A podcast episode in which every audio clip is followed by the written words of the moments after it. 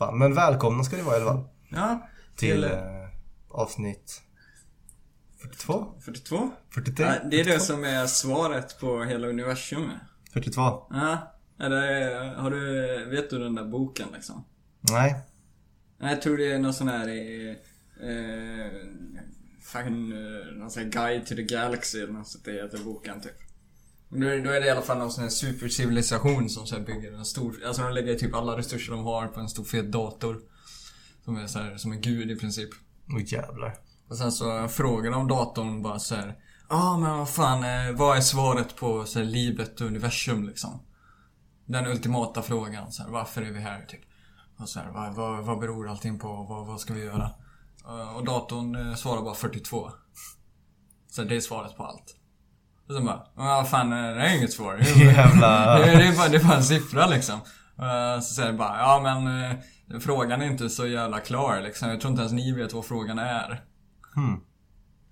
Ja. Mäktigt. Jag tycker, jag tycker det. Jag vet inte om det är en intressant liknelse eller någonting. Någon sån här, eh, att... Eh, Att det här avsnittet är större än vad vi tror. nej men att ibland gör vi saker större än vad vi... Eh, eh, Behöver kanske. större än vad vi behöver, större än vad vi ens vet. Så att ens ställa sådana frågor nästan är dumma för att här, svaret på en fråga vi inte vet är väldigt eh, eh, oklart för den som inte vet frågan. Mm, det är fan sant. Och med det sagt. Vi, Nej men fan jag tänkte passa på för vi har inte varit så jävla på det här med att så här, Alltså marknadsföra oss och greja liksom men Fan Jag tror om någon klickar på det här avsnittet så har de ändå, ändå hunnit lyssna hit liksom Tänker jag. Då kan det vara att nämna att så här, men fan följ oss på Instagram. Följ oss på Facebook för fan. Det är lika bra. Vad fan har man att förlora? Och här sitter jag, jag liksom sitter här med min dator och jag bara hör massa eh, snack och gobbledygook.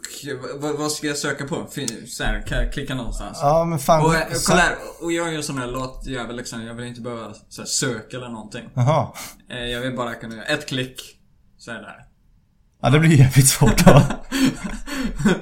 Vi, vi kan länka vår, vår shit i Ja. beskrivningen. Ja kan vi göra. Så kan ni ju följa oss på Instagram och Facebook. Ja. På Bottenskrap då heter För jag tänker säga om ni tycker det är lite pinsamt att gilla och så. Det, då, alltså man behöver, när man gillar då kan man göra det eh, bara så privat liksom. Så Ja. när man gillar någonting så... Behöver man inte visa inte alla sina vänner. Och sen så eh, kan ni ju bara göra ett sånt där fejkkonto eller någonting. Liksom. Gör asmånga fejkkonton alltså. Ja, så ni kan ju använda den för att säga DMa kändisar typ och eh, gilla sidor som ni skäms över. Precis, typ så här eh, Hemnetknarkarna liksom. Ja men, eh, du vet, det är bra du vet, jag gillar ju, jag gillar ju Venga Boys liksom. Jag gillar Boom Boom Boom, det är en väldigt bra låt. Eller Men det är sällan, Party Town liksom. Ja, men, det, men, det är sällan, men det är sällan så här, någon frågar bara så här, ja men hallå, vad, vad lyssnar du på när du ska bara så här, banga musik liksom? Ja men då... Då säger man inte Nej, då, svar, boom, boom, då svarar man ju inte ofta såhär, Venga Boys. Eh, boom boom boom liksom. Även om det är en riktig banger. Vad svarar du då? Ja men då försöker man ju verka lite så här smart och ta någon så väldigt så poetisk... eh, Det är lite klyschigt att säga så här Bohemian Rhapsody nu. Det är en bra låt men jag är nästan tröttnat på den lite nu. Mm. Jag skulle nog säga en, en, en, en, en ny, eller ny gammal låt. En låt som man, jag hittade i somras typ. Ja. Som jag kan så gå loss till. Som jag kan rekommendera folk. Det, det, det, det, jag vet inte, det kanske är en... Eh, eh, bara jag som känner så i vårt gäng i alla fall. Men Come On Eileen har blivit en sån. nej, jag tror... Det, det, det är nog inte bara du, men jag tror nästan alla i vårt gäng vet att du tycker om oerhört mycket. Du är nog kär i Eileen. bara för att vara sån. Eh, ja, men eh, den kan jag förstå. Jag gillar eh, Night Moves med Bob Seger. För...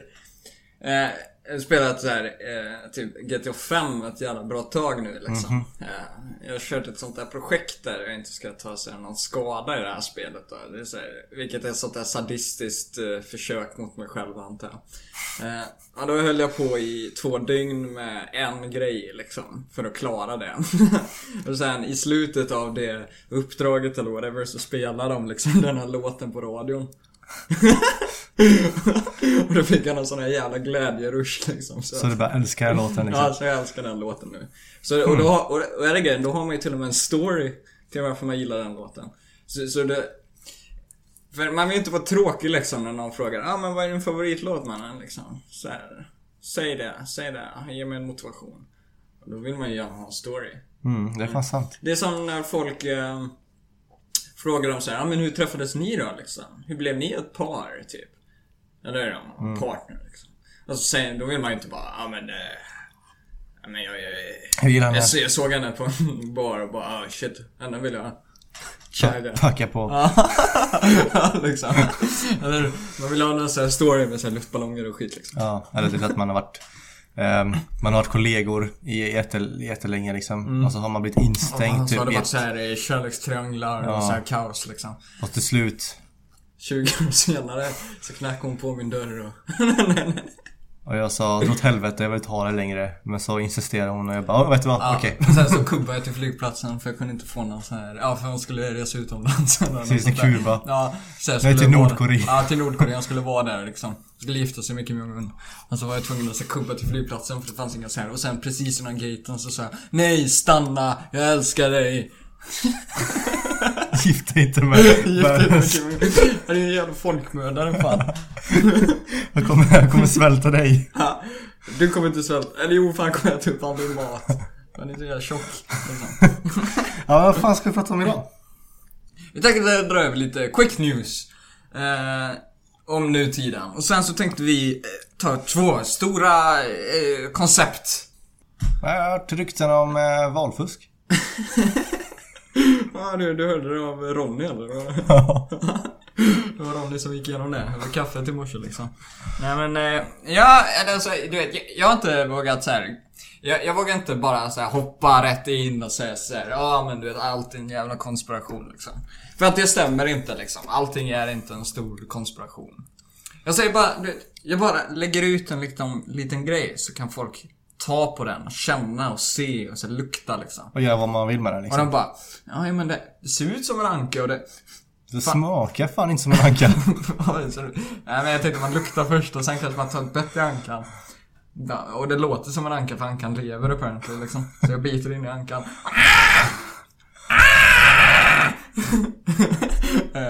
Det låter som en anka. ja, det låter som en anka. Det smakar som en anka. Eh, och sen så får folk liksom make up their own minds om det här. Vill jag att det ska vara en anka liksom? Det kanske är en ko. Ja, eh, men här. eh, jag, vill inte ljuga för vår publik va. Okej. Ja, Våran Antagligen. stora, stora publik. ja, antagligen så är inte så här valfusket, eh, eller om det ens skett något valfusk. Det vet vi inte liksom. Och det kommer antagligen inte påverka. Då är det amerikanska valet vi pratar om. Ja. Jaha, jag trodde du pratade om det i Nordkorea. Jaha. nej, nej, nej. Alltså, Det är inget fusk där. jo det var faktiskt så att man trodde ju att eh, Kim Jong-Un vann- med 99% men det var faktiskt bara 98,5 så att... Eh, jag menar en halv procent av rösterna bara sådär. Det kan, det kan röster, ändra ett alltså. val. Det kan jag verkligen. Inte i Nordkorea men, men, men någon annanstans. Jävlar då. Ja. Och i alla fall. Jag har läst lite. Läst lite i Fox till exempel. Sett på lite olika källor. Eh, Georgia, staten Georgia, inte det här landet jämte eh, i Europa eller någonting utan staten Georgia. Eh, USA. Eh, de, de kör ju en liten sån här eh, omräkning av sina röster för att Vissa stater har vissa regler så att eh, om det är tillräckligt nära mellan kandidaterna så kan en av kandidaterna kräva en, om, en omräkning. Liksom, för att vara säker. Precis. Och då i tre eh, vad ska man säga, counties heter det då. Skulle väl likna det med typ Kommuner. eh, län Ja. ungefär. Region. den storleken, regioner.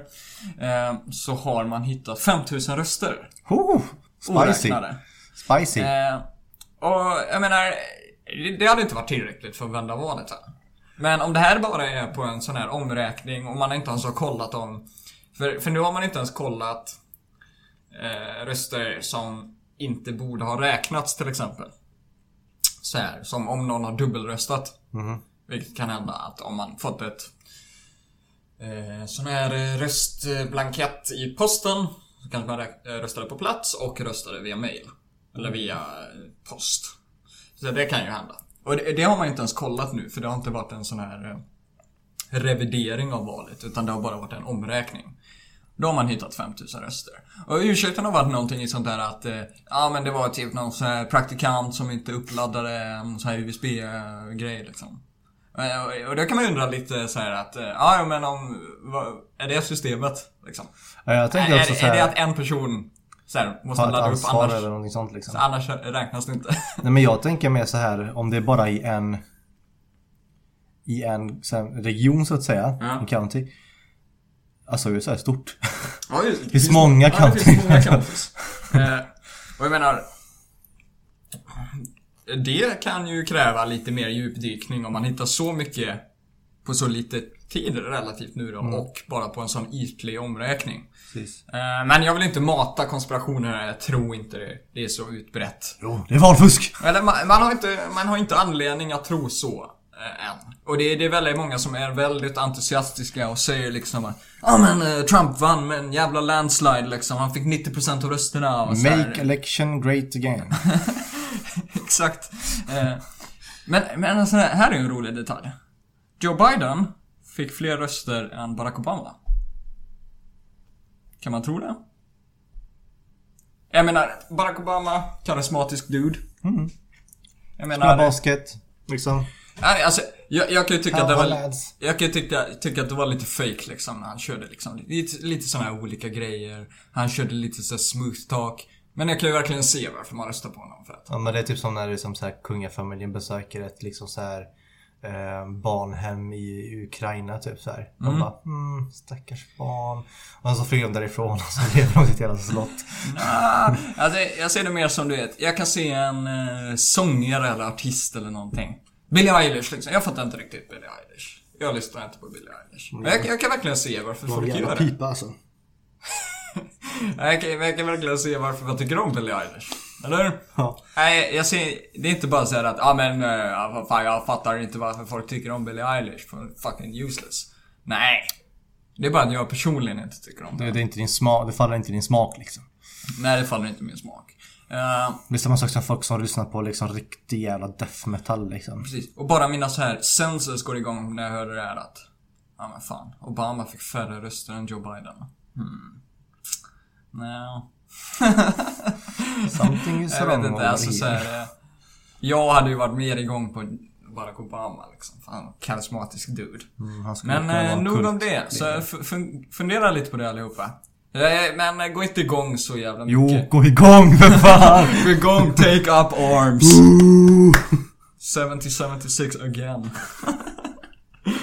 The American Revolution number two. För to. Wow, why, why, why. Very nice. Så det var väl en av de här stora grejerna som hänt i veckan. Eh, det sker också utredningar i andra stater. Eh, till exempel i Pennsylvania och Michigan, vilket är typ de staterna som behövs ungefär. Eh, men där har vi inte fått vidare news, så att antagligen kommer det inte vara särskilt mycket. Eh, kommer du ihåg Kyle Rittenhouse? Vem är det? Eh, Ska, är det någon som jag ska komma ihåg?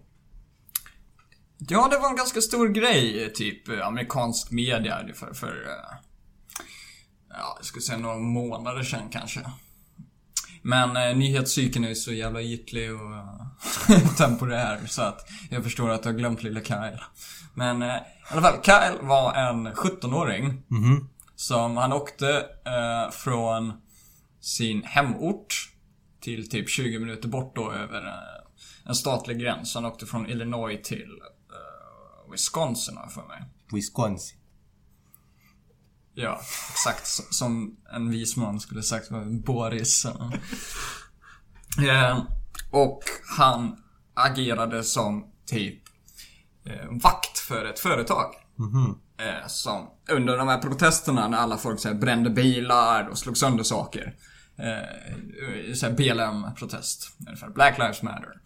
Så då var det massa kaos i den här staden. Kenosha, Wisconsin. Var det det hände i. Ja, det, det var precis efter Jacob Blake hade skjutits. Vilket var han där snubben som eh, Ja, i princip eh, ryckte ifrån poliserna och försökte gå in i sin egen bil och sen så blev han skjuten. Liksom. Eh, Efter det så blev det massa protester i Kenosha. Och han, han bodde 20 minuter ifrån Kenosha. Och det, har- det har varit en vanlig sån här grej att ta upp att han, han åkte över de här stats, eh, statgränserna liksom. Och bara deltog i en protest han inte hade någonting att göra med. Nej men han bodde 20 minuter ifrån va. Så att så här, han bodde precis på gränsen. Och Kenosha är nära gränsen också. Så att eh, den kan vi ta bort den där kritiken va. Eh, men i alla fall, då var det att han var där på protesten. Han han bar vapen öppet. För att han agerade som vakt för ett privat företag. Eh, och då spreds det ett klipp då när han i princip sprang på en gata och eh, sköt två personer. Eh, och det här blev en jättestor grej för att eh, Å ena sidan hörde man i princip då att oh, så här masskjutning i Kenosha, så här galen rasistmördare, mördar BLM-protester som är fredfulla typ. Och sen på andra sidan hörde man modig tonåring skydda sig mot terrorister typ. Eh, Men jag skulle nästan säga att det är mer likt sanningen åt det jag sa senast då. Att, för att det spreds ett klipp då när han springer från en person som eh, kastar eh, liksom en påse på honom som verkar ha någonting tungt i. Springer efter honom och han springer därifrån och han säger stopp, stopp, stopp. Trillar ner på marken, försöker springa vidare. Sen hör man några skott och eh, den här snubben som jagade honom då faller till marken. Och det här genererar massa saker då, så då kan man se senare klipp när han springer på en gata ifrån eh, då den här personen som han sköt. Liksom. Och eh, det börjar bildas liksom ett gäng bakom honom så bara Hej vad fan han sköt ju en snubbe liksom. Så springer de efter. America! Ja, det, Fuck yeah! Ja, men det, det blir som en goon squad efter honom. Eh, en snubbe puttar ner honom. eh, Och en annan snubbe kommer fram med eh, ett vapen, en pistol. Liksom. Och medan han lyfter pistolen eh, mot Kyle då. Så blir han skjuten i armen. så att, eh, vilket är jävligt svårt. Alltså det är jävligt svårt att skjuta någon i armen. För att om jag hade varit i den här situationen så hade jag inte siktat på armen. Nej. För att jag kommer antagligen missa och dö. För att han kommer skjuta mig. Liksom. Men en blir skjuten i armen. Det kommer fram en annan som han skjuter i bröstet. Så att i slutändan så har Kyle då dödat två personer och skadat en annan. Eh, De andra människorna springer därifrån. Sen så ser man honom springa mot en polisbil, han viftar armarna så här. För att ta hjälp. Men de åker bara förbi för de tror att den som sköt fortfarande är där borta liksom. Även om fast han har vapnet på sig. Så det blev ju också en sån där grej. Det kan inte vara han. Att du vet polisen åkte förbi en vit snubbe som hade vapen på sig efter en skottlossning. Som var helt jävla svettig typ. Eh, Blodig förmodligen Nej, också. nej, han var inte blodig. Han var rätt clean så här, men, eh, Så då, då har det ju startat en stor debatt då om så här, eh, självförsvar. Liksom. Och att han var 17 blev ju också en sån här debatt för att han hade ett stort jävla gevär på sig. Eh, vilket... Ja... Det, det är lite krångligt det där med vapenreglerna och det är lite så här när får man ha på sig ett vapen och så här i vilka situationer och får man bära det öppet sådär. Eh, Man kan ju hävda att det var mer tydligt att man inte skulle attackera någon som har ett vapen på sig när man ser vapnet. Men Det, det är väldigt dumt att göra va? Alltså jag springer inte fram till någon som jag ser att de håller i en kniv och så slår jag dem i ansiktet liksom. Precis. För att, Va- vad fan tänkte du med det? Ja men det, men så här, det, det, det Jag vet inte riktigt så här. jag skulle vilja åka till USA och uppleva det lite för jag vet inte riktigt hur det känns. Men jag vet i alla fall när vi var till exempel i Prag och vi gick på Stora torget och det var asmycket folk och det var ändå så här ganska tätt inpå när det hände en massa shit i Paris och grejer liksom så här. Terrordåd och sånt. Så man så här, alltså någonstans i bakhuvudet tänk, hade, hade man det här med att tänka om någonting fucked händer nu liksom. Det är så jävla mycket folk och vi är ändå i Centraleuropa. Men man känner sig typ på något sätt ändå jävligt trygg när det gick så här typ sex poliser i rad med typ här varsitt jävla helautomatiskt gevär typ. Så. Och liksom så här var as-auktoritära liksom och bara gick runt och bevakade folk liksom. Eller så här bara gick runt och kollade så att allting ser bra ut liksom. Ja. Eh, Men jag vet inte hur det skulle kännas med civilbefolkning som skulle gått runt så. För alltså det är klart, poliserna hade lika gärna kunnat gå full loco där också. Alltså de är fortfarande människor. Så att egentligen var det som säger att de inte hade kunnat göra någonting sjukt. Ja, ja precis. Någonting åt det hållet. Men jag tror, alltså när, när man hör det här att folk bär vapen öppet. Alltså det är inte så avlägset som vi tror. Poliser bär ju vapen öppet i Sverige också vi ser ju deras pistoler hängandes på deras sida. Det hade varit coolt om de hade pistolerna hängande, Ja, hängande som, som sån här, du vet, eh, nyckelkedja typ. Ja, nej men alltså grejen är att man ska se vapnet. Så att man vet att, ja men.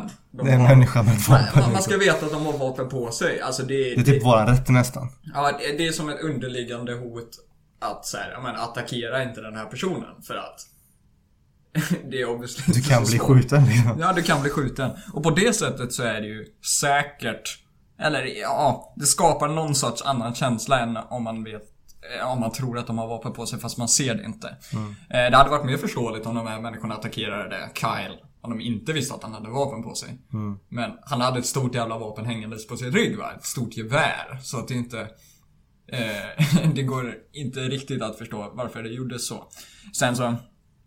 Eh, han var ju minderårig, Kyle. Eh, det var bara en detalj här då, så kanske inte har så mycket med fallet att göra. Men den första personen som jagade honom, han var dömd för eh, sexbrott. Eh, så här, eh, eh, haft sex med minderåriga liksom. Eller du vet, sexuella akter med minderåriga. Så det hade varit en sån här eh, skämt, typ. Mörkt som fan att så här, ja den personen.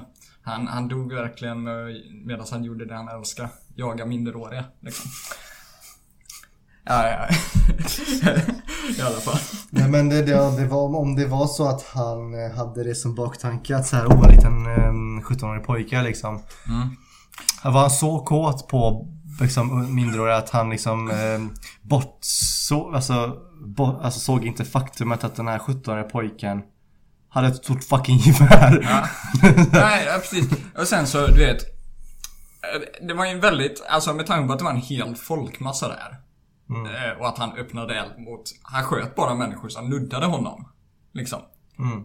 Det var ingen annan som skadades va? Det är oerhört kontrollerat för någon som är minderårig va? Eh, Alltså han var... ju- Jag hade fått panik. Ja, han var, ju bara- han, han var ju antagligen väldigt van med att använda vapen. Eh, Alltså så här, träning. Guns. Ja, men du vet man bor i Illinois, ute i. Eh, Ens kusin, ens flickvän. Antagligen inte den nivån men så här, han hade mycket eh, erfarenhet av vapen antagligen. Eh, Och att han kontrollerar sig väldigt väl och det har ju många sett upp till då när det gäller det här fallet. I alla fall, nyheten var att han fick eh, bail. Alltså att han fick lämna häktet för eh, två miljoner. Då. Eh, vilket, ja, han, har, ju- han har ju startat en sån här GoFundMe typ. Som man kan ge pengar till honom. Eh, och här var en grej att, jag tror specifikt eh, någon sån här crowdfunding-sida typ. Eh, eh, jag tror det var GoFundMe heter den tror jag. Som stängde ner hans, eh, eh, vad ska jag säga? Insamling. hans insamling. Men de höll upp eh, Jacob Blakes insamling som aktivt gjorde motstånd mot polisen och hade en kniv på sig mot polisen. De stängde inte ner hans sida, men de stängde ner Kyle utan att veta så några detaljer i princip om vad som hade hänt i hans fall. Så att, eh, men han har fått massa pengar från så här höger människor och sånt där. Så att eh, eh, det verkar se ljust ut. De har inte gått ut med vilka eller hur rättegången går eller någonting. Men det har i alla fall varit det. Stora nyheter. Och det har varit fler, han har antagligen varit i häktet flera månader nu. Så att det är ju ganska... Och tufft för häkten, en- häkten i USA är inte så nice alltså. Alltså, häktning i Sverige är ju värre. Är det? Eller alltså inte kanske häktet i sig, men alltså när man åtalas för ett brott i Sverige. Du, Du kan ju inte, se du, gränser, kan, typ. du kan ju inte köpa ut dig. Nej. Alltså även om du är oskyldig. Och de det inte finns- har bevis för det. Och det finns väl, väl typ, en- jag vet inte hur det är i USA, men i Sverige finns det väl riktiga gränser på hur länge man kan sitta i ett häkte. Nej, precis. Utan eh, du är där tills du Allting döms. klart, liksom. Tills du kan dömas som oskyldig. Så att du kan vara oskyldig i princip i, i lagens namn. Och sitta i fängelse i princip då. Eh, Mm. I häkte då i fem år typ. Ja men det blir ju ett fängelse. Alltså Ja. du kan inte göra mycket mer än vad du kan i fängelse. Du, du har din cell och... Och så får du vänta tills... Ja. Och det är nog rätt jävla tufft för minderåriga. Nu är han nog vuxen men ändå. Eh. Så det Vilken varit jävla, vilken jävla process alltså. Ja, jo det går fan inte fort alltså. Tror du de har rättegångar via zoom eller? Det är också säkrast så. Jag tror säkert domaren så här mutar alla och säger Ja, ah, ordning är rätt så, rättshållen. Just det. Eh, I alla fall. Jag har också sett en bra serie. Oh, är det den här... Eh, eh, låt mig gissa. Friends. Jag skrattar inte åt Friends, jag skrattar som ett kontext av Friends, för Friends är inte roligt. Friends suger. Amen brother. Men jag har sett på The Queen's Gambit på Netflix. Det var en massa hype kring det här då. Ja, någon jävla, någon jävla eh, tjej som typ såhär asgrym på schack. Ja, alltså jag kan ge en liten plot summary här då. Okej, en eh, föräldralös, inte föräldralös men hon har förlorat sina föräldrar. Eh, hon börjar spela schack med en eh, vaktmästare. Eh, och sen så är hon värsta wunderkind, typ. Eh, Wonder Child. men, eh, och så spelar hon schack och så ska hon försöka bli världsmästare och jada jada. Eh, men det är faktiskt inte den... Det...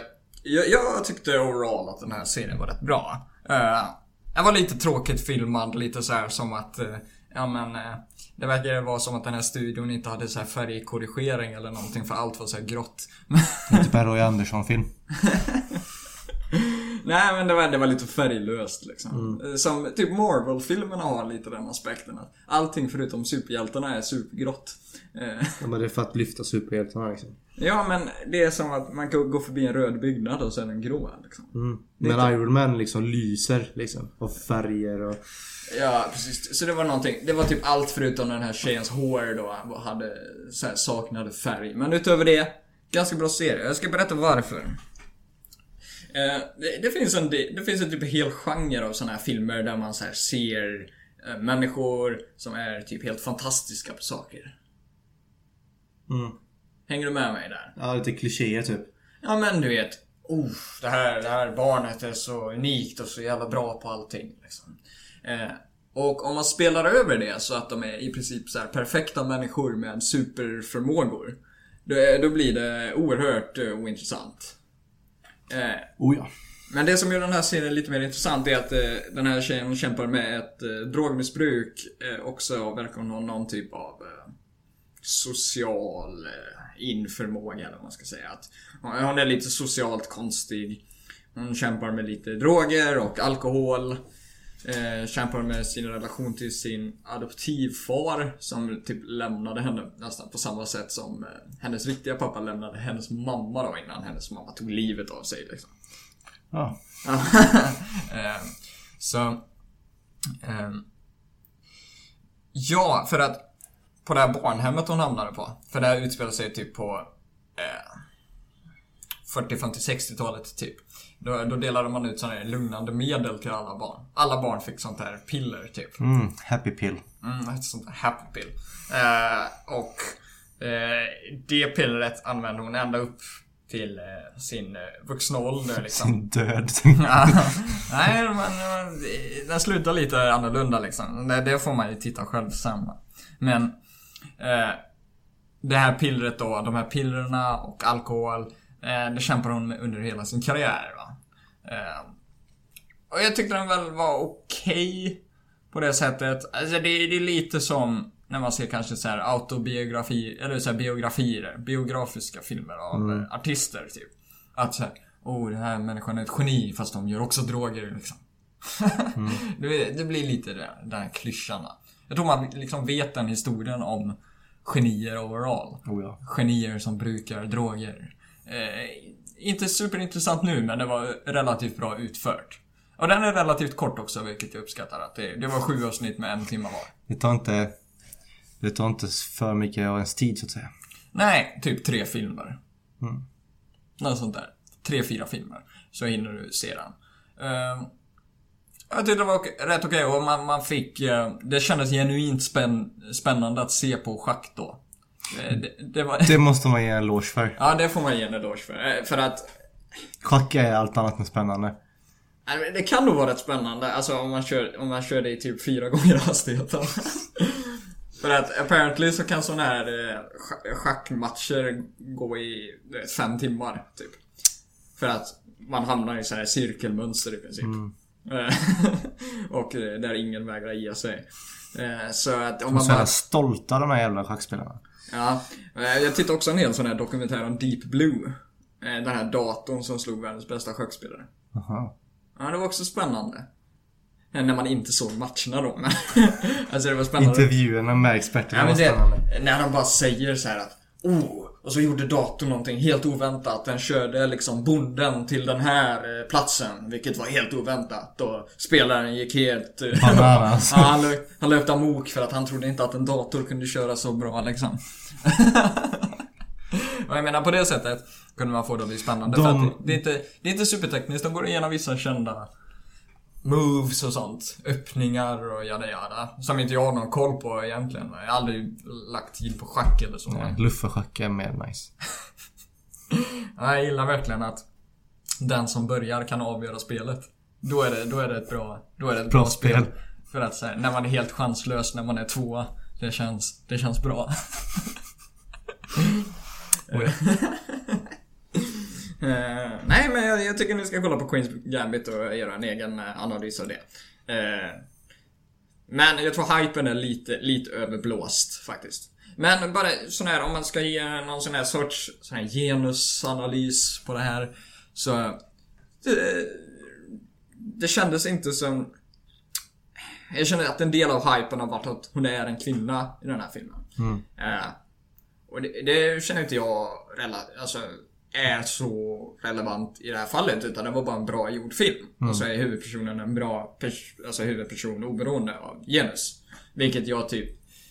Vilket jag tycker är så man ska strukturera en bra film om man vill ha annan eh, casting än just bara vita män eller vad, vad som är eh, stereotypen.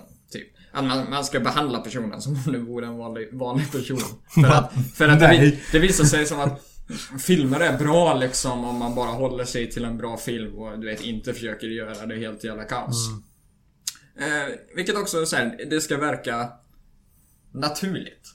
Eller, eh, och inte vara någon sån här tvingad eh, diversity som man kan se i vissa filmer. Och att det inte är någon sån här överdriven female power. Woo!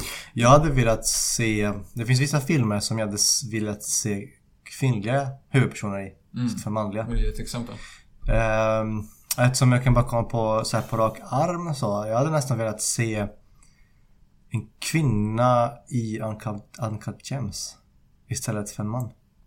Ja, precis. Adam Sandler var jävligt bra i den filmen. Han var jävligt bra i den alltså, filmen. han, han såg riktigt, riktigt vrakig ut. Ja, jag vet. alltså. Men hade det inte varit mer spännande egentligen att se... Alltså det hade varit mer annorlunda liksom att se en kvinna i den positionen och yrket, alltså valet av liksom... Alltså allting liksom. Mm. Jag tror fan det hade varit en, en större... Var det en st- med, kanske mer eh, eh, typ chockfaktor Mm. nästan. Att det, det blir som en mer oförväntad grej. Att åh vänta, oh, oh. Ja, Fast, fast då får man nästan anpassa rollen också för att eh, Alltså, jag, vet inte vad alla andra tycker men jag tycker att eh, kvinnor och män så här gestikulerar och beter sig på lite olika sätt. Mm. Så att om, om en... Eh, om man hade, bara hade satt in en kvinna i Adam Sandlers roll där så tror jag inte det hade funkat. Då tror jag det Nej, så man får weird. göra om lite såklart. Liksom. Ja, alltså, Så, det, men- det, man kan ha kvar det, samma sån här stressiga huvudvärksmiljö som är i hela filmen. Precis. Men Samma försöka handling anpassa eh, personen lite eh, efter det och så här att eh, om han ska, om nu den här kvinnan ska vara otrogen mot sin man då kanske. Eller så, kvinna. Ja, eller kvinna. Ska man ha lite mer där också. Mm. Eh, så kunde man anpassa det på ett sätt också. För Ja. den, den dynamiken är antagligen annorlunda också. Precis. Eh, Men jag, jag håller med dig. Alltså, jag ser gärna mer diversity och sånt. Så länge det inte tvingas. Jag, jag hade gärna velat se... Eh, det var lite snack om att slänga in eh, James Alba som eh, James Bond för ett tag sedan. Mm. Vet du vem det är? Nej. Nej, i alla fall, han- är, han är svart då. Det var det som var grejen. Ja, jo. Och, och det blev massa snack om det, men jag ser inte grejen för han, han var en eh, sån här handsome, uh, hunkig man typ. Mm. Eh, och jag hade ju, ju kunnat se honom som Bond. Liksom. För att Bond är ju en eh, identitet. Liksom. Det är inte en eh, karaktär. Jag tror jag håller med dig där faktiskt. För att så här, om man kollar på Bond som koncept Ja. så används det Alltså företag använder också Bond som ett ansikte utåt. Alltså det är ju bland de få fiktiva personerna som alltså man kan sätta på en Heineken-reklam liksom. Ja. ja, men det är också att Bond, alltså Agent 007, det är Bond. Och sen kan vem som helst vara Bond.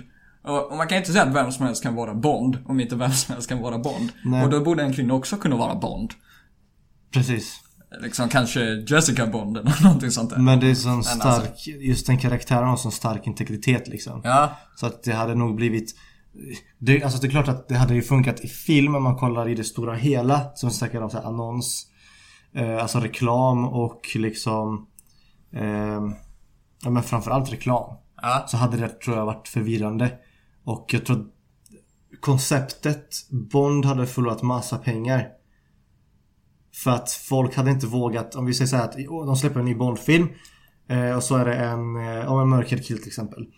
Eh, filmen, alltså för mig är det skitsamma. Men för skaparna av filmen som vet att det finns Alltså stora bolag som gärna köper rättigheter till att använda figuren till reklam hade inte gjort det. För de vet att okej människor kommer inte känna igen personen. Nej precis, och det tror jag också är relevant. Jag tror inte att om jag hade förlorat massvis med pengar på att göra det, så hade inte jag gjort det. För att om jag hade förlorat 100 miljoner på att sätta in en svart Bond, då hade inte jag satt in en svart Bond. För Precis. att vem fan hade velat förlora 100 miljoner typ på att göra så? Ingen hade gjort det, men det är väldigt lätt att säga i efterhand. Jag säger bara att jag som publik gäst eller vad man ska säga, du vet. Jag hade inte brytt mig på det sättet. Men det finns ju människor som gör det. Och det, det var ju därför det var massa snack om det. Att Yeah. Nej men vad fan, eh, Agent 007 kan ju inte vara svart för det finns apparently inga svarta personer i England liksom.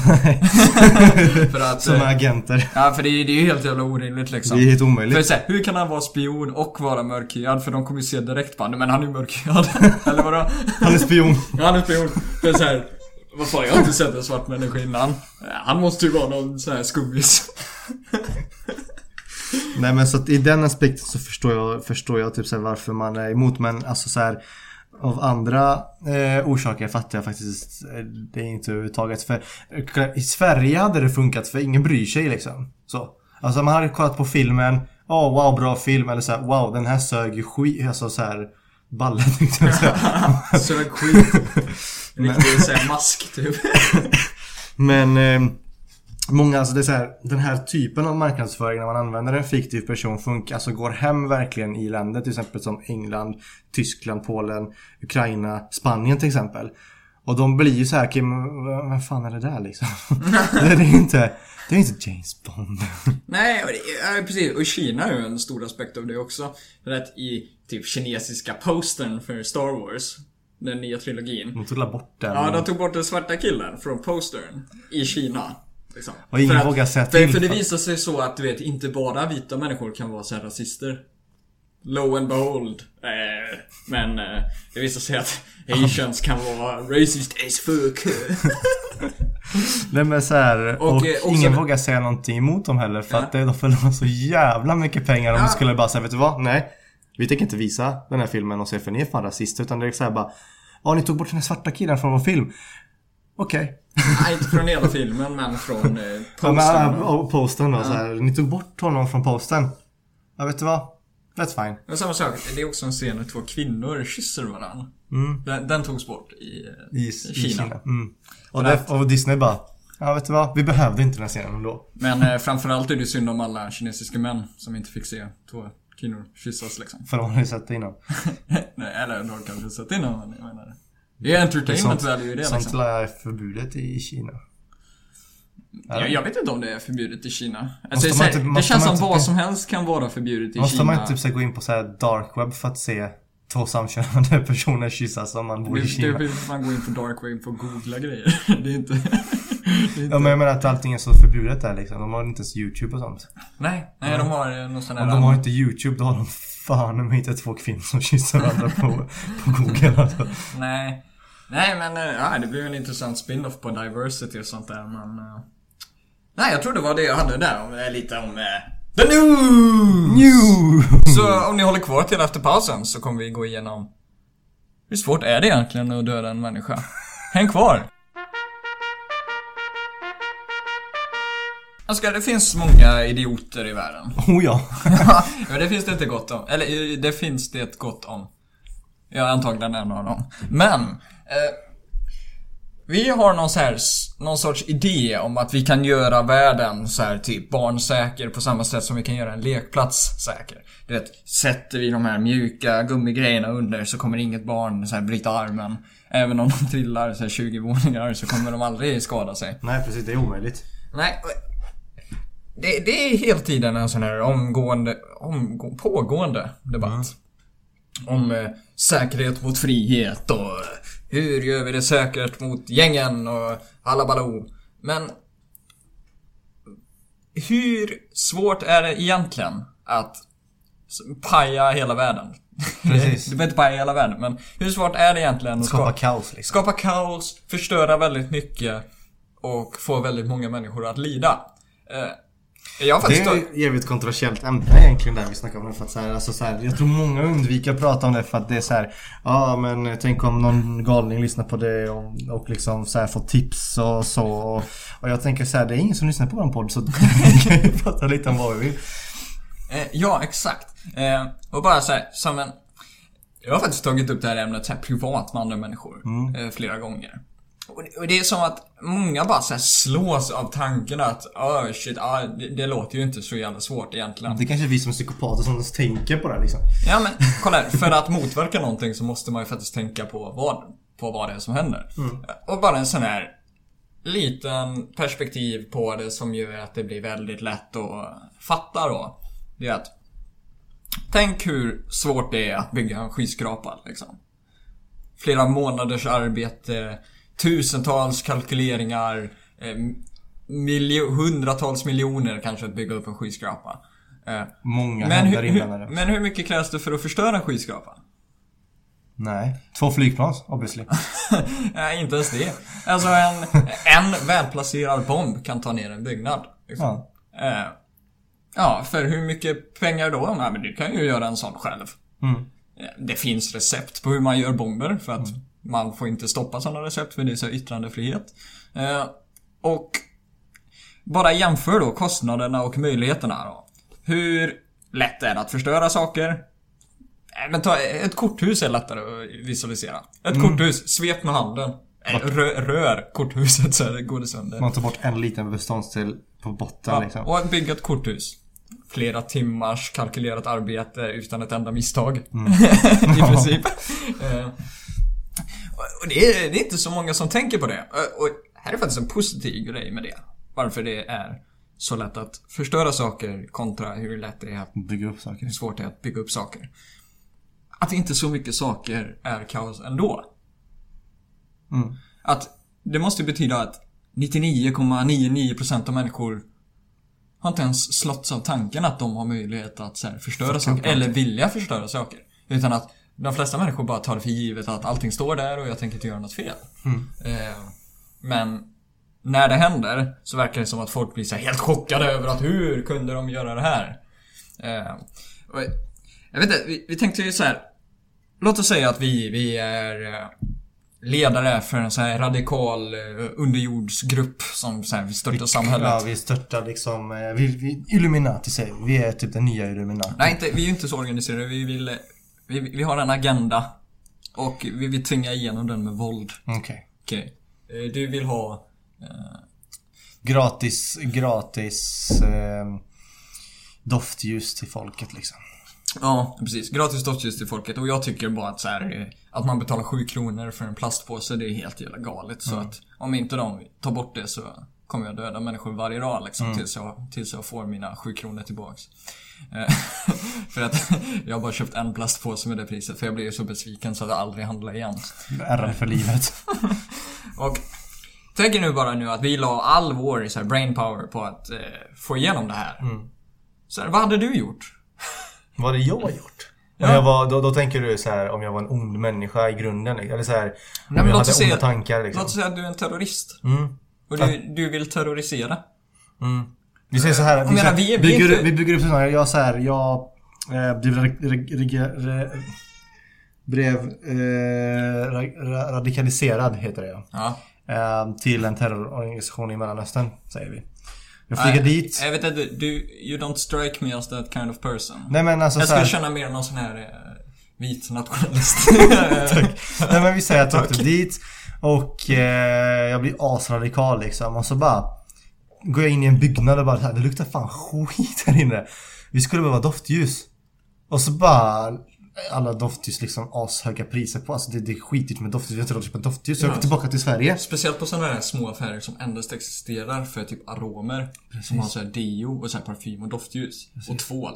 Och så, så här blir jag asförbannad. typ 100 spänn. Och så, så här åker jag tillbaka till Sverige och bara så här, vet du vad? Nu ska jag fan skapa kaos och få min agenda igenom. Jag ska fan bli doftljusterrorist liksom. Ja, så då menar jag, vad hade du gjort?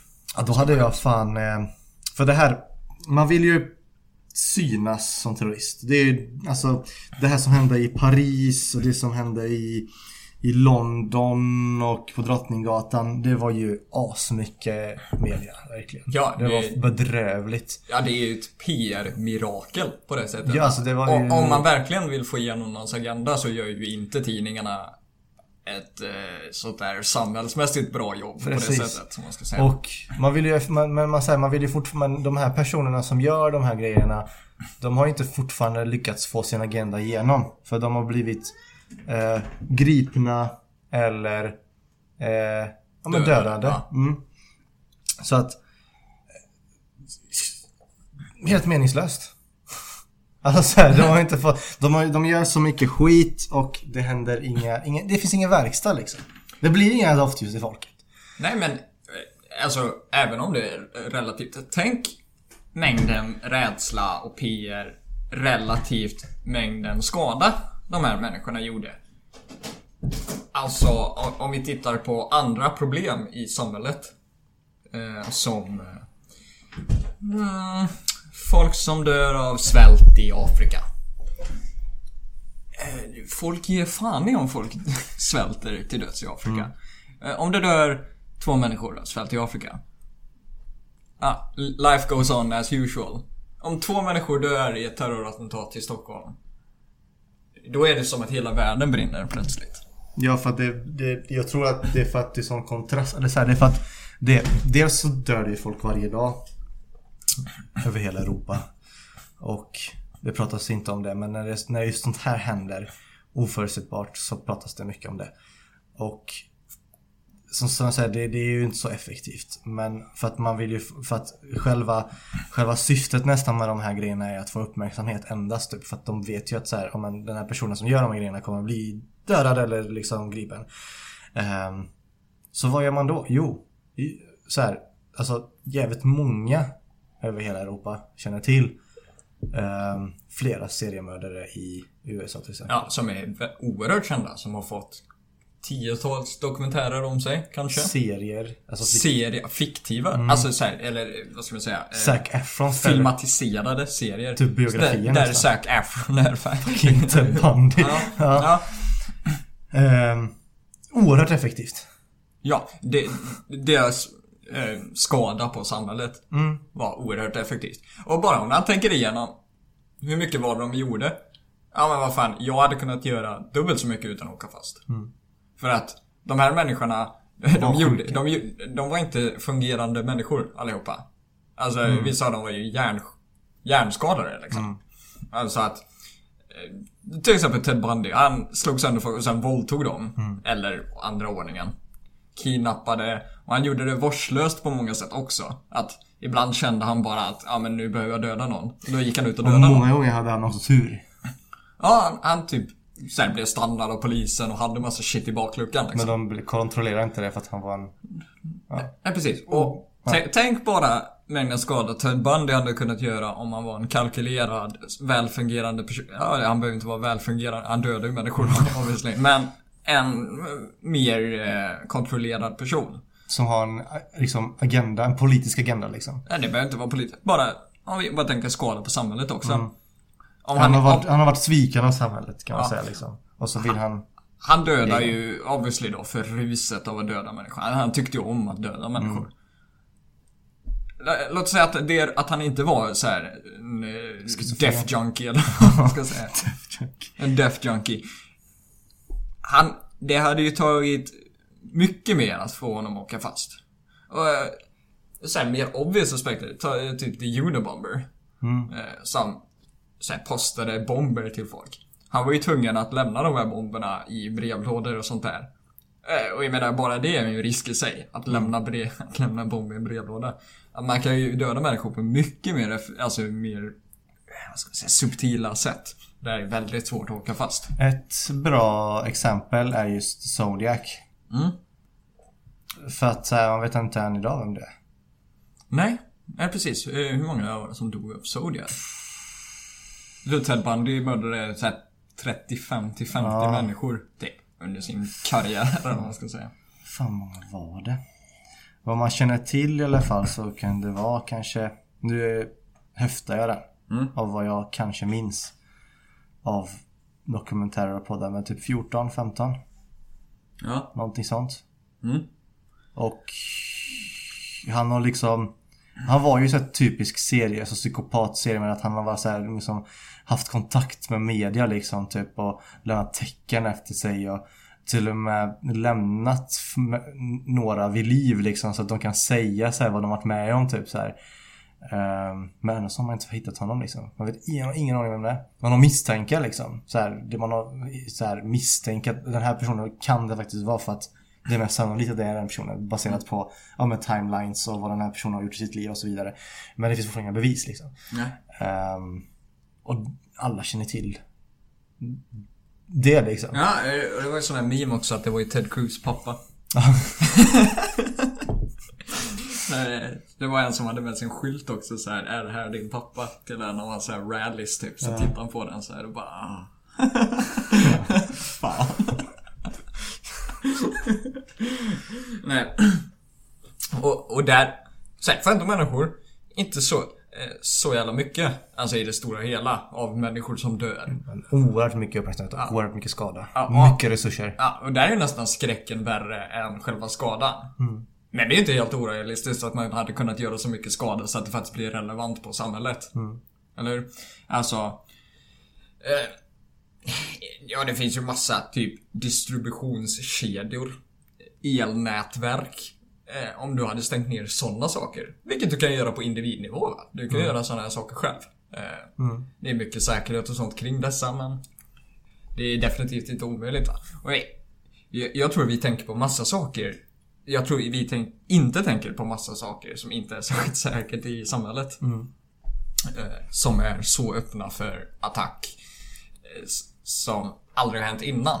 Ja men tänk dig bara liksom en, en sak till exempel för folk siktar in sig mycket på så här stadshus och, och sådana grejer. Men tänk typ så här om, om eh, man, man, man åkte till en lite mindre ort och bara sprängde skiten ur matbutikerna där. Ja, ja, ja men det, det hade varit lätt att bara köra ut mat sen. Men låt säga någon... Men det hade skapat, alltså det hade skapat problem i kugghjulet så att säga. Ja, och- sån skada kan man göra oerhört mycket innan folk börjar prioritera det också. Alltså för att om någon spränger en matbutik Alltså polisen kommer ju... Ja, polisen kommer ju lägga ner mycket resurser på det. Men de kommer ju inte lägga ner det som till samma nivå som ett terrorattentat skulle vara. Även om bara, inom citattecken, en eller två personer dör. Så skulle ett terrorattentat vara så mycket mer resurser eh, än saker som gör genuint oerhört mycket skada. Till exempel ekonomiskt. Och och det är ofta sån här meme du vet om att så här, vi prioriterar ekonomin och sånt där jävligt mycket. Men det är för fan viktiga grejer va? det, är så här, det här var ju typ... Eh, jag följer en sån här meme-page på Instagram liksom. Och så var det typ... Eh, memen var typ så här, det var en framsida på en artikel, typ titeln. Och sen så var nästa, det var typ om Corona, typ så här, några människor hade, fler människor, ökande i dödstalen och sånt där. Och så är det typ, eh, på undre delen så är det så här, Republicans, citat, eller det är så här kolon. Bara oh no, the economy. liksom. Men det är för fan viktiga grejer för att Ja, det visar sig att så här, ekonomin är det som gör att vi kan leva som vi gör liksom. Så att, eh, att inte leva som vi gör skadar faktiskt väldigt många. Så att, eh, ja att terrorisera distributionsnätverk, lager, eh, energi. Jag menar om du spränger ett elkraftverk i Sverige. eh, Det hade ju... Jag Vi snackar, om så här, hundratals miljoner i skada. Alltså, vi säger ofta så här att mänskligt liv, vi, vi kan inte värdera mänskligt liv i pengar. Men det är klart du kan. För att så här, det svälter människor varje dag typ. Och så varför ger inte du bort alla dina pengar då? Precis. För att du tycker inte att det är värt det. För att du sätter människor relativt pengar. Och jag menar, och här tror jag, jag kan nog inte hitta en enda person som inte hycklar på den poängen. Att Jo, det är klart du tycker att mänskligt liv har ett värde. För annars hade du gett bort alla dina pengar. Mm. För att vi i Sverige lever så, i så mycket överflöd så att eh, om vi bara lever på miniminivå så hade vi kunnat rädda väldigt många människor. Men vi gör inte det för att vi värderar våra pengar. Mm. Och då att göra hundratals miljoner i skada hade skadat oerhört mycket. Jag säger inte att det hade varit... Eller jo, på ett sätt säger jag väl att det hade skadat mer än att döda en till två människor. Ja, för det hade, det hade liksom Det hade kunnat liksom lett till misär hos många människor och kanske till och med Ja men alltså såhär Död på andra sätt. och skit liksom. Ja, död på andra sätt och arbetslöshet och att störa ekonomin och om du förstör någonting i ett ekonomiskt led. Om du förstör en transportindustri till exempel. Ja men då kan ju inte de som producerar ta maten eh, De som producerar mat till bönder kan ju inte ta maten till livsmedelsbutiker. Så då har du förstört en hel kedja va. Så nu får ju plötsligt människor inte mat på andra sidan. Och jag menar det är ju så här enorm ekonomisk skada för då måste man hitta människor andra människor som kan köra den här maten. Och, och då kan inte de göra vad, det, vad de ska göra för de jobbar ju med någonting annat redan tänker man. Så snickare kan inte snickra längre och då får vi inte nya liksom, rum i hus och så kan inte folk renovera så blir allt... Eller? Ja men det är en kedja liksom. Alltså, tänk dig om man skulle spr- alltså, så här, så att, sp- spränga en hamn liksom. Ja.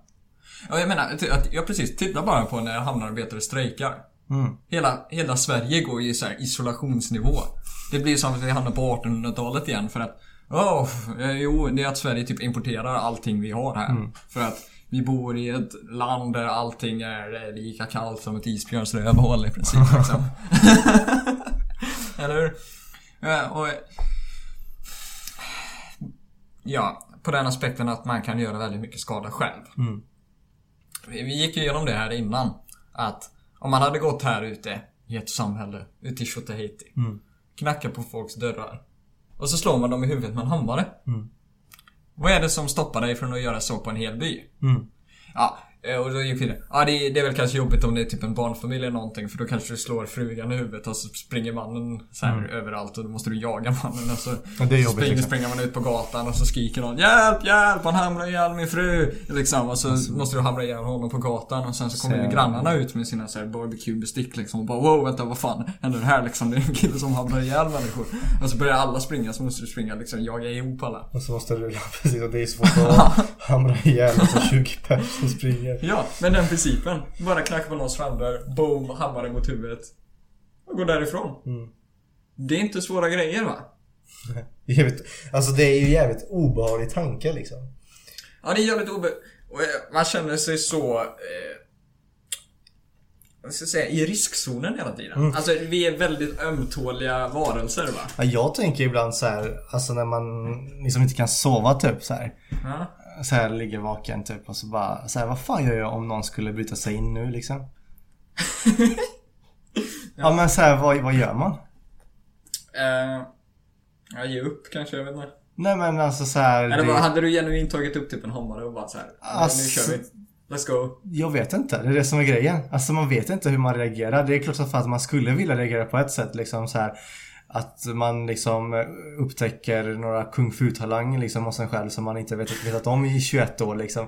Men det är ju väldigt, väldigt osannolikt. Istället så skulle man förmodligen bara så här, "Åh, så här skada mig inte typ så här. Men man vet inte. Och så här, om man, speciellt om man inte tänker på det. Då är det ännu värre liksom, för då är det som en chock liksom. För att det är någonting som, alltså for real, sku, alltså, eller for real, det är klart som fan, det skulle ju kunna hända. Ja, det har hänt. Det har hänt, ja men precis, det har hänt, men alltså inte en själv liksom. Men det har hänt andra. Och vad gör man liksom? För det finns en, det finns en väldigt låg sannolikhet, men det finns en sannolikhet att det händer liksom. Vad, vad tycker du om människor som säger att man ska säga en istället för man? För att det är så sexistiskt. Ja, fuck them. Eller hur? Det, är- ja, det är dumt, eller hur? ja. Ja. ja, jag bara såhär för att du sa en. Eh, nej men så här och... ehm, ja, ja, skitsamma. Ja, vi, Men för att så här, men, så här, det var fan i Uppsala någonting har jag för mig. Det var någon, någon, någon familj, eller för familj, ett par eller någonting som så här, gick ner till under, alltså de hade så här, tvåvåningshus. De sov. Och så skulle de gå ner till undervåningen när det hade vardagsrum och kök och skit. Och så bara stod en fucking clown med kniv där inne. Vadå, i Uppsala? Ja.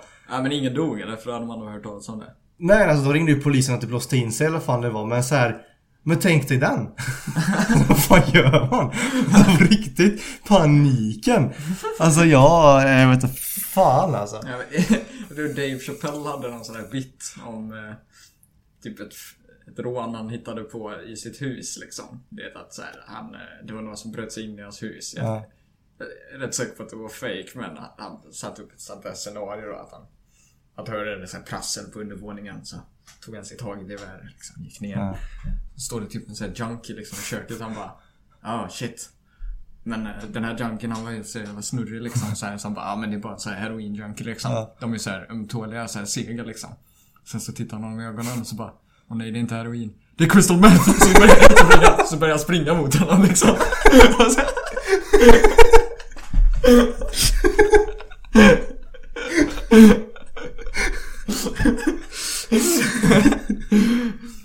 Ja men, men, jag vet inte riktigt hur mycket det hade med ämnet att göra men, ja, men jag, tyckte det var relevant.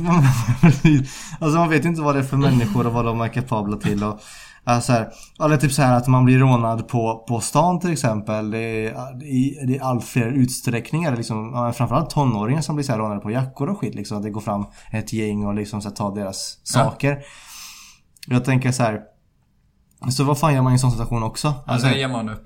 Ja men alltså så här, det beror på också vad man har på sig typ. Alltså jag, alltså så här, Ja, jag hade... hade typ en, eh, fan, en sån här träningsbag med så här halv miljon på. Ja men sen, nej, men jag hade ju själv velat göra så här bara Ja men alltså grabbar, jag tror att typ ni har mer pengar än vad jag har for real. Så här, alltså jag kan logga in på, min, på mitt konto så kan ni se.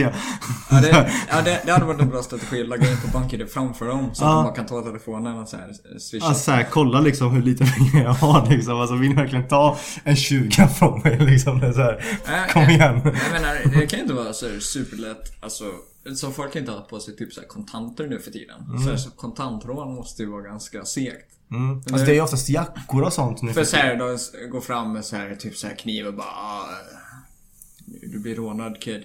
Och de, så får man ju liksom fråga så här, ja men swish eller kort liksom. och så swishar man då och så säger de sitt namn liksom. Och så, Men vad fan och så man inte har vad fan, vad fan händer om man inte har swish? Ja, jo, det, det, då kan de ju inte råna en typ. Nej. De får ju ta ens jacka liksom. Ja, och så är det typ så här, så här alltså så här, Hjälper det då att ha typ asfula kläder på sig? Jag så tror man ser ut som en eh, riktig bum typ. Ja, för då går de inte ens fram till en. Nej för såhär, vad, vad kan de ta värde från mig då? Liksom. En jacka för 50 kronor från second hand liksom.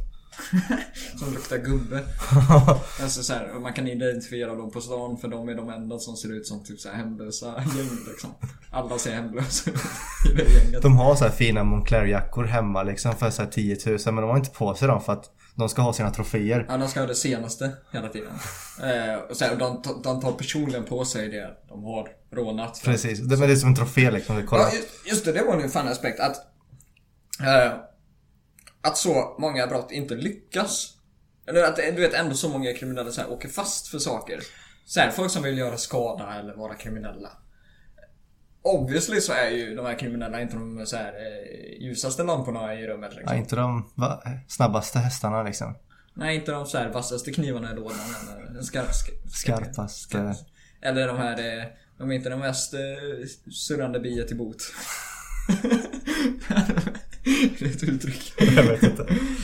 Nej men, ja. Alltså det, det jag menar är att Även de som försöker göra dåliga saker är ju på något sätt inkompetenta. Men jag älskar Som, de som här. de seriemördarna vi tog upp nu. Ja men jag älskar, jag älskar de här klippen från övervakningskameror när det typ så här man går in, eh, det var en snubbe typ så här i något asiatiskt land som gick in på en, i en juvelbutik. Ja. Och så var det så här glas typ för eh, kassan. Ja. Så en bank nästan. Ja. Ja. Och så tog han på sig ett halsband för att prova liksom så här. Ja. Och så bara gick han ut. Fast han, alltså, han, eller han gick mot dörren. Ja. Men då, då låste liksom kassörskan dörren och drog ner sån här skydd för glaset. Ja. Så han så här kände sig asdum och visste inte vad han skulle göra. Ja. Så han låtsas som ingenting och så bara kollade på sitt halsband och bara Åh nej fan jag glömde ta, ta av mig det." Så vi kan så här gå så här shame walk typ, så här walk of shame så här tillbaka till den platsen han tog den och så bara så här, fick han ta sig och bara så här, ja jag, jag lägger tillbaka den, typ så här, jag glömde den. Så ville han gå ut igen men då låste hon ju inte upp. Nej. Utan så här, hon hade stängt den så hon ringde polisen så Men kan man verkligen bevisa att den personen ville ta det då? Mm, precis. För att såhär, han hann ju inte ut.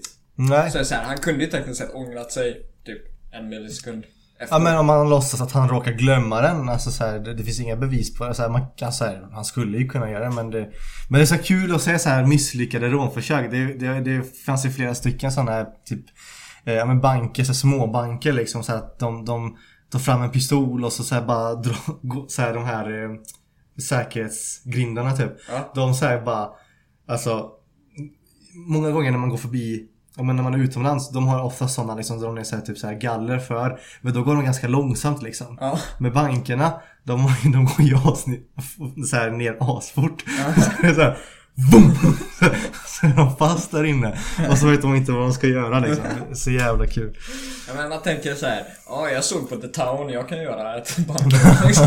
Jag menar det såg inte så svårt ut, jag har en mask liksom. Precis, och en, typ en pistol från andra världskriget Ja, men men, jag, jag tror... Vi hade en diskussion här någon gång bland de första avsnitten på podden.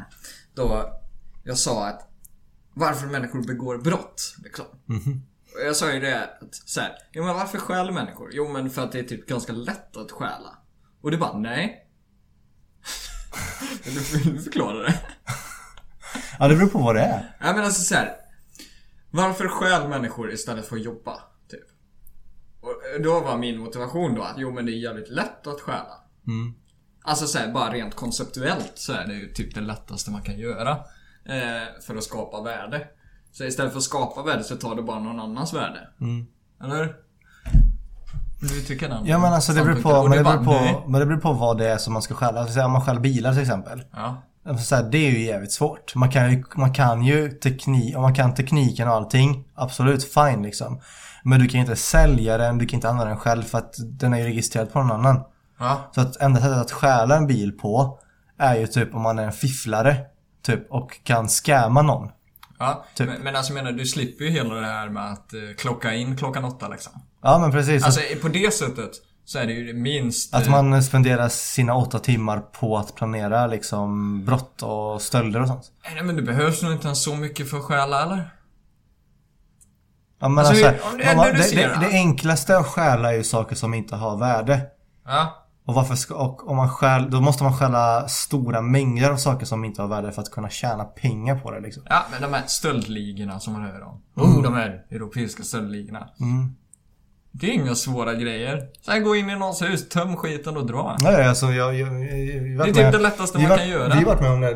Eh, arbetsbilen blev bestulen på grejer men det var ingenting som man tog liksom hårt vid för att den skruvdragaren de här eh, för det var, det var typ, det var typ en, en liga som åkte runt i det bostadsområde vi bodde i liksom. Ja. Och det var väldigt mycket folk som hade egna firmor och som jobbade som ja, men alltså, så här handverkare och sånt liksom. Ja. Det var en hel del och då var det en annan liga som liksom sniffade upp det och bara sa okej fuck vi, vi slår till här. Så det var flera hushåll som eh, saknade verktyg och grejer. Men just det verk, det, den skruvdragaren de tog var ju liksom trasig skruvdragare så det var ingen större förlust så. Nej. Eh, Nej, och sen... så, att, så här, om man nu gör ett bra, för de blev inte aldrig tagna och ingen märkte någonting för de var ju obviously sneaky och duktiga på det de gjorde. Så om de är så pass bra och organiserar brottet så pass bra att man ingen märker eller hör eller ser eller någonting liksom. Så kan man väl fan kolla om skruvdragarna funkar. Och sen, jag tänkte här. Tjuvar, stöldligor och sånt. På ett sätt så är de eller på något sånt där korrupt sätt så är de ju så entreprenörer. Eller? Att det är de som, de skapar värdet. Eller de tar värdet. De får värde men alltså de är inte så arbetare. För att de jobbar inte under en kapitalist liksom Nej, på det sättet. de är sina egna chefer. Ja, de är sina egna chefer. Och så här, bland entreprenöra, entreprenör, entreprenöriella branscher. Då kan du väl hålla med om att stöld är typ den enklaste idén man någonsin kan ha. För att det alltid funkar i princip. ja, ja. Allting som Allting som inte kostar en själv pengar är ju det bästa. Ja men alltså, av entreprenör... För att ha en entreprenöriell idé, då måste du ha en idé som så här, skapar värde för andra människor. Eller? I ett sånt där kapitalistiskt system. Så, eh, för att generera värde för dig själv då. Mm. Pengar, kapital. Och, och avsett att få kapital på så är det här, så är stöld kanske det enklaste och mest så här, eh, fungerande sättet. Alltså det, det finns inget sätt att misslyckas på konceptuellt när man stjäl. För att det finns liksom inga kostnader till. Ja men, ja, men, ja, men precis samma sak med, med scams. Nu för tiden är det hur lätt som helst. Alltså jag, jag gör upp en fake profil på Facebook. Tar bilder från någon människa som bor i USA, typ. Alltså alla bilder som den personen har lagt upp och skapar en fake identitet. Döper mig själv till Johan Karlsson till exempel. Eh, Lägger ut en mobil för, eller typ en, eller en mobil eller eh, någonting som man kan frakta till exempel. Mm. Lägger ut det på Marketplace, får lite meddelanden. Fifflar mig till att, ja men swishar mig så skickar jag liksom. Så scammar fem personer, raderar profilen. Lätt förtjänade pengar. Mm, jag tror faktiskt scams är mer... Det är nog en större risk att åka, åka fast än vad man tror.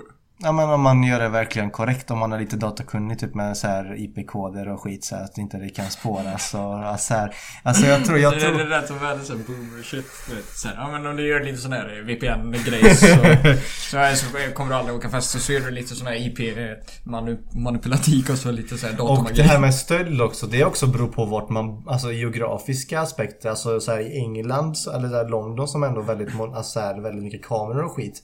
Där är det nog ganska svårt.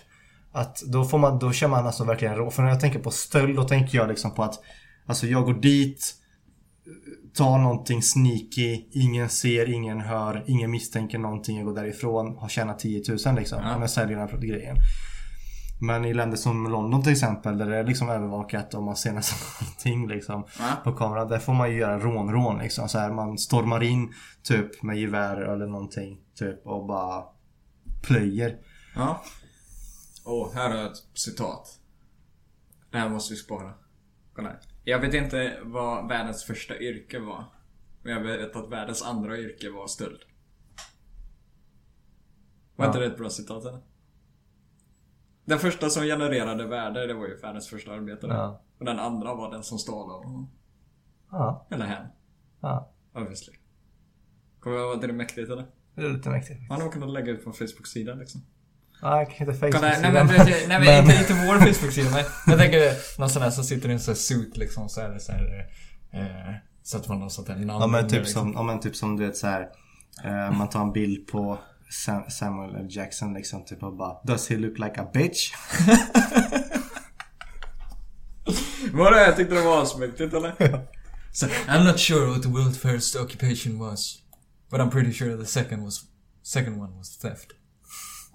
Ja. Kom igen. Come Det summerar mänskligheten rätt bra eller? Ja. Nej men var det, var det vår diskussion om eh, fucking terror? Terror, folkmord och kriminalitet. ja. Det var det, det vi hade hur- på agendan. så om du bara svarar på frågan, hur svårt är det egentligen att döda folk? Inte alls svårt. Eller skada folk? Eller få alls. folk att lida? Inte alls svårt. Och med det, då vill jag bara påminna om att eftersom det är så jävla lätt att döda er, Gör så, så kan ni ju vara typ optimistiska. Att, äh, vet du vad? Vi är fan bra människor de flesta. Mm. Kanske inte alla. Absolut inte alla. Absolut inte alla, vad fan. Men, men det är För- precis som... För ärligt talat Conny, jag ser dig. Sluta med det du gör. Det är vidrigt. Som det är någon som lyssnar som heter Conny. Så. Och som gör någonting vidrigt. Ja, Så där fick han. ja. Him! Han typ trollar så här eh, kvinnliga kändisar nu så här, Skriver massa så här hat. Ja, just så här. mordhot och grejer. Eh, Just det, jag fick, jag, min, innan vi avslutar så vill jag nämna det. Ganska intressant, ett nytt ord jag lärde mig. Ehm, fan, jag glömde det. Ja men det är en blandning mellan komplimang och kränkning. Men- kränklimang! Kränklimang heter det. Jaha, så typ, det är Ja ungefär... men typ som att jag skulle sätta dig vad fan vad fin eh, klänning du har där alltså. Men den passar nog inte dig så jävla bra. Att man Ja. säger någonting positivt och sen bara bam, Ja, någonting. men jag tänkte mig att det skulle vara lite mer som en microaggression. Du vet som när man eh, säger att en invandrare är så jävligt bra på svenska typ. Eller det, men du vet, Mm. att, så här, det är ju tekniskt sett en komplimang. Jag tar inte, jag tar inte illa upp av sånt. Eller jag har hört det typ någon gång. Alltså jag menar att, eh, så här, oj vilka vad bra svenska du pratar. Men det, det förutsätter ju då att så här, De tror att... eh, du, de trodde inte att du pratade bra svenska annars. Liksom. Det, kan, man ta, kan man ta det som en kränklemang då? ja, jag fick ju höra en gång motsatsen. Jag satt, med, jag satt med ett gäng som var invandrare och så kom en annan invandrare och så snackade han med dem och så bara någonting så bara eh, sa någonting med, till mig att, ja men kolla på den svennen typ. Så här. Och jag typ bara, Hä? hä? Så sa de på polska liksom. ja, vi. Skål. jag tyckte det enda alla typ kan. Vi. Jag är inte alls svensk, Australien för fan! Nej men, men det tänker jag, det måste ju vara en kränklemang. Eller? Det är inte Ja, det är fördom snarare. En kränklemang är ju mer Men såhär... inte, inte, det, inte ehm, det en typ av kränklemang eller? En kränklemang är såhär bara, ah, fan vad fin bil du har. eh, Men det passar inte dig. Nej men nej men nej, typ såhär. Um, ja men typ med kläder eller typ såhär. Um, ja men om man ska gå fram till någon som, som um, uh, ja men såhär. Fan jag kommer inte på någon jävla, jag är inte så bra på att kränka. Eller ge komplimanger till folk. Men det, det där var ju världens här humble brag. Nej jag sa, Nej. nej. jag, är så, alltså, vet, alltså jag har så jävligt svårt att vara så här taskig för alltså jag är bara så här genuint snäll. Jag sa ju för fan precis, jag har svårt att kränka men också ge komplimanger. Fuck you man. Men Det, det, är ett, det är ett lättare exempel på sådana här roliga ord. Så humble brags. Mm. Har du hört talas om det? Mm. Eh, det, det, hör man ju många människor göra. Och det blir mycket roligare när man tänker på det. Ja. Ja, det finns en i, nu ska jag inte säga för det är så här, kan vara obvious, men det finns en i ens närhet som är det så här som, eller jag känner till typ. Eh, som är sån att vi säger om min sambo springer milen på, en, på 55 minuter till exempel. Och säger det till den personen. Då har den personen springit, sprungit milen på en kvart. Menar du? Att man är hela tiden bättre typ. Och det kan vara helt orimliga saker typ. Så här, Jaha, alltså, som att typ de inte ens tänker efter. Ja precis, att så här, man, personen inte tänker efter riktigt. Utan så här, skulle jag säga så här, bara, ja jag typ så här ramlade och slog i huvudet igår typ. Och det är så jävla ont. Ja. Då kommer den personen typ så här bara Ja men jag typ så här ramlade ner från ett trevåningshus och bröt nacken typ så här. Still here. så. Men, men det, det är ett sånt där roligt eh, exempel som folk gör. Till exempel när folk typ berättar om svåra saker. Så här, som de tycker har varit jobbigt för dem. Och så ska någon annan människa typ försöka hjälpa dem. Genom att toppa deras trauma med ett ännu värre trauma som de har upplevt. Eh, jag tror man chockas lite av hur vanligt det faktiskt är. Ja, För jag har ändå hört människor i min närhet liksom som kan, kan säga som här. Alltså det, det är typ inte en bra grej att göra.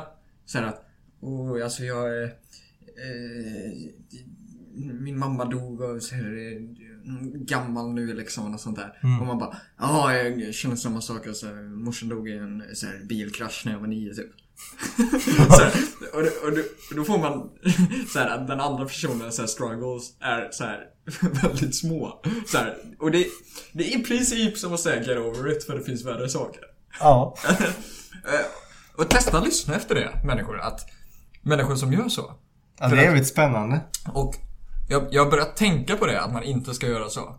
Och då blir man väldigt medveten om hur typ arrogant och dåligt det är att göra så. När någon berättar om någonting jobbigt. Ja, alltså så här. Ja men någonting Och, så här, och, det, och det kan vara så här genuint, alltså de försöker genuint hjälpa. Men, Fast det blir inte men bra, eftersom liksom. de inte tänker på det så låter det bara som att de är arroganta svin, typ. Mm. Även fast man kan veta att de är bra människor. Och ja, Eller, de som, svårt, eller de eh, som har trauma för lilla minsta. Ja. Eller så här, om men till exempel typ Min hamster dog när jag var 10 och det var bästa vänner jag någonsin haft liksom. För när jag var liten så hade jag inga vänner överhuvudtaget liksom så här.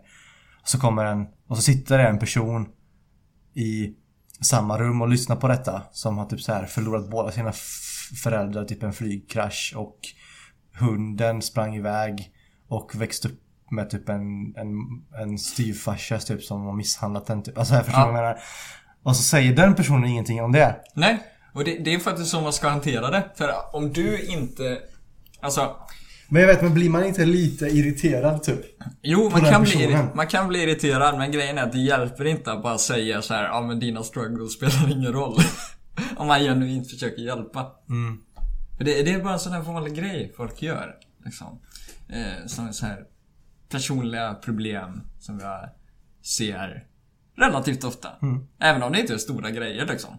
Så här att, åh, jag, det, det är så stressigt nu med allt arbete. Och så bara, åh jag hade en vecka där när jag var uppe 70 timmar liksom. Säger den andra liksom. Och bara, ja precis. När, när någon säger, ja jag har jobbat 14 dagar i sträck. Och jag bara, ja jag har jobbat 40 dagar i sträck. Mm. Det, det är typ ett relativt så här, vardagligt exempel. Jag tycker, det, jag tycker det är skitkul att lyssna på. Det är jättekul att experimentera med. När en människa är sån i, i själen liksom typ. Att de ska vara... För att så här, det är skillnad tror jag från så här, när man försöker, när, man när någon berättar om ett trauma och så försöker man hjälpa dem att man har varit med om någonting liknande fast det blir då värre typ. Och så, så här bagatelliserar man det så att säga nästan. Och till en person som hela tiden vill vara värst typ. Tuffast, coolast typ med saker. Um, och de personerna är jävligt roliga att experimentera med. För som jag sa, för det här med liksom maratongrejen. Ja. Det, alltså det händer typ på riktigt nu. Alltså, det är så jävla kul att lyssna på. Alltså, du, du låter ju typ som så här, lite så här manipulativ så här, psykopat nästan när du, du pratar om det här. För jag tror, alltså du vet så här att du gillar att experimentera med människor. Typ som att du genuint är en fake person framför dem. Här, och bara, du vet, spelar. Jag tror eh, Norm MacDonald snackade om det. Han, han bara sa så här att "Ja, har du, någonsin, har du någonsin påkommit dig själv när du ljuger? Och så bara, säger du på det och bara, ha? Och han bara, nej men har du bara pratat med någon och så börjar du ljuga? Och så kommer du på mig själv, fan nu ljuger jag liksom. Ja men det är så här. Som att det är saker han börjar göra, att han bara hittar på saker för att se vad som händer med den andra människan. Ja, My- Myta liksom. Ja, så här du- medvetet. Ja men du man ser lite hur andra människor reagerar. Eh, Det är spännande. och det där om eh, fel man kan göra med andra människor, det påminner om så här, reklam tror jag för någon sån här psykologi-app. Eller man kan, man kan typ träffa en terapeut så här, online. Typ. Mm. Så är det typ eh, en, gran, en person som kör meker i garaget så kommer hans granne över och så ska typ låna en här skruvdragare eller någonting. Och så säger han där bara ja, jag är jävligt tuff nu liksom. Jag, jag, jag tänker på massa saker och så blir det så, det blir så mörkt och så ensamt. Och så klappar bara grannen honom på axeln och bara ah, okej, ja men eh, ryck upp dig fan. Och så, så, kommer det såhär, skaffa en terapeut istället. Eh, jag kommer inte ihåg vad tjänsten hette men jag ska nog Mindler, tror jag. Kolla, vi ska inte göra reklam för dem. Dessutom, jag tror inte sådana där eh, appar är så här legit. Nej, alltså det vet Alltså, jag. jag tror det bara är någon sån här person som sitter på andra sidan. Hello, this Jaha. is Microsoft support. Extra kne- knekar vid sidan av. Oh, I'm sorry, this is Mindler. Nej men så här, ja, ja, eh, det fanns en sån tjänst i USA Typ för 3-4 år sedan Och jag att Pewdiepie gjorde en sån här rant-video om det. Att så här, eh, ja men så här, det finns typ så här ja, men psyko- psykologer som inte har några papper eller eh, ingen utbildning eller någonting som så här Sitter där bakom telefonen typ och ger tips typ så här. Och det hade jag typ kunnat tänka mig. Ja, men alltså så här, det är typ så här, genuint svåra grejer hur man hjälper människor. För att så här, många tänker att så här, en så här konsult eller en så terapeut, kon, counselor, typ. Att de bara ska vara så här att man bara kan snacka med dem. Men de, de ska inte vara typ som en sån här lad. De ska inte vara ens body. Typ. Nej. Utan de ska liksom, och de ska inte rådgivande heller. Har jag hört. Nej. För det är någon som, en, eller han säger att en counselor på YouTube liksom. Gjort videos om, eh, gått igenom filmer och sånt, sånt där. Vad de gör rätt och fel och så, här, så är det inte i verkligheten. Ja, du vet, jag tar honom för vad det är. Alltså så här, jag, jag litar väl inte på det 100% men låt oss ta det som källa nu liksom. Och att eh, det är viktigt att man inte blir som en kompis för dem för att det är inte eh, man ska inte vara för orsaken till att jag sökte till en terapeut var inte för att få kompisar, för de flesta har kompisar. Mm. Eller hur? Så att, eh, och att man inte ska ge råd heller. Tyckte jag var en intressant... Utan det var mer liksom, eh, eller så tänker de då att här, man ska inte ge råd, man ska ge direkta direktiv liksom. Här. nej, nej inte, det heller. inte något sånt. Man ska, få, man ska hjälpa dem att göra beslut själva. Men det är ju skitsvårt. Nej, ja, ja det, det är väl exakt därför det inte bara går att starta en jävla app liksom. Alltså för att personens, för att personen ska bli en välfungerande person i sig själv. Mm. De ska inte behöva ta tips av någon. Utan de ska kunna bearbeta sina egna känslor och analyser och ta konsekvenserna av det. Fattar du? Så man kan Men om man har så man inte- riktigt så man- sjuka beteenden och typ så här, om man, man, man, man, man så här, Vadå? Ska du bara hitta på ett hela man, det är så här, man har tvångstankar, jag ska olla alla handtag jag ser. Ja. Och, då ska man ju fråga saker som att Men Hur tror du, varför vill du göra så? Hur kommer det hjälpa dig? Eh, alltså, man ska inte säga, ja men sluta hålla handtag. som jag gör. Alltså, det måste vara skitsvårt på den terapeuten att säga Att hålla sig, för det är såhär bara du är ju fan sjuk i huvudet. Alltså, här, sluta hålla handtag, det är ju inte normalt typ. Men de måste ju på något sätt så här förstå den andra personens liksom hållningar. Ja, till terapeuten testar. Vänta, det här känns fan bra. så ses de varje vecka och pratar om sina upplevelser liksom. Och så sätter terapeuten bara ett sånt där handtag på bordet. Sen börjar båda hålla den samtidigt liksom. Det blir som en jävla sån demon. Kultur. Nej men, ja, men jag har hört att det ska vara så. Jag har hört av en eh, kollegas kusins kompis liksom. Nej men, att det, det, man ska inte ge folk råd. För rådgivning är inte det. För man hjälper inte människor då. Mm. Jag tror, alltså, ta en eh, alkoholist som typ så här prioriterar, inte prioriterar sin familj eller någonting. Jag har hört. Man ska få dem att vilja prioritera sin familj. Men de måste ju vilja det själva. Mm. Liksom. Det räcker man, inte vad Man kan inte bara säga liksom. Nej men du måste, måste tagga ner med alkoholen liksom. Så bara sluta med det. För alltså så här, det rådet Alltså det är bara direktiv Men liksom ingen motivation Mm. typ. Utan man måste säga, ja, men hur Hur känner du dig efter du har druckit och Vad hade du eh, velat göra med din familj om du inte var full liksom? Ja precis och så här, eh, vad tror du hade kunnat hända om du inte drack förra veckan? Så Mm. här, hade du kunnat haft en diskussion med din son som du hade tyckt om eller jada jada. Ja. Alltså så här, den typen är, ska vara bättre. Ja men jag, jag har hört faktiskt liknande när det gäller självmord typ. Mm. Alltså hur man ska, för att så många som har självmordstankar som är öppna med det liksom. Eh, blir Nu måste vi bara påhoppade. påpeka, vi är fan inte, vi kan ingenting om det här. Nej jag, jag läste, Utan vi jag, bara wingar det här basically va. Så Min källa- Lita inte på oss eller någonting. min källa på det här är... Ma- eh, vad fan heter? Mör, det mörka psyket, en podd. Ja. Då snackar de om det att så här, hur man tar bort självmordstankar och liknande. Eller så inte tar bort för det, så här, men hur man bearbetar det liksom bäst. Testat att hålla handtag. Precis, exakt. Nej men eh, familj, familjemedlemmar och sånt, oftast deras reaktion mot en person som har självmordstankar är ofta såhär bara, nej men fan du är ju dum i huvudet, sluta med det liksom så här, du får fan skärpa dig och så här, bevakning typ nästan. Men det man ska, det man ska säga till en sån person eller det man, när man, man ska sätta sig ner och prata med den personen om det. Och då ska man inte så här övertala dem att inte göra det utan det man ska prata om är typ så här Men hur har du tänkt göra det? Så här, Vad hade du känt liksom under tiden du höll, gjorde det liksom så här. Vad tror du, vad tror du liksom din familj och så kommer tänka när du, när du gör det? Att man pratar med dem så att de ska göra det Ja. för att väcka tanken om att så här Vad fan håller jag på med egentligen? Typ så här. Håller jag på att dö? Eller så här, förbra- så här, alltså för det är väldigt många försök. Mm. Och det tyder ju på att många ångrar sig. Precis. Liksom. Att de, de vill inte när de gör det. Mm. Så, så det är antagligen en positiv tanke. Det är ju en positiv tanke att ångra sig. Mm. Det, det väcker ju några känslor där, kan jag tänka mig. Eller hur? Mm. Så... Ja, Men det, jag är ingen psykolog eller så men Är det en Facebook-sida, inte psykolog men... Ska vi starta en sån eller? inte psykolog men, fan handtag alltså. Ni... Har du testat dem? Hjälpa mot självmord. Inte psykolog men eh, depression, kom igen. Inte psykolog men alltså alkohol. Kom igen, har ni testat att sluta dricka någon gång än?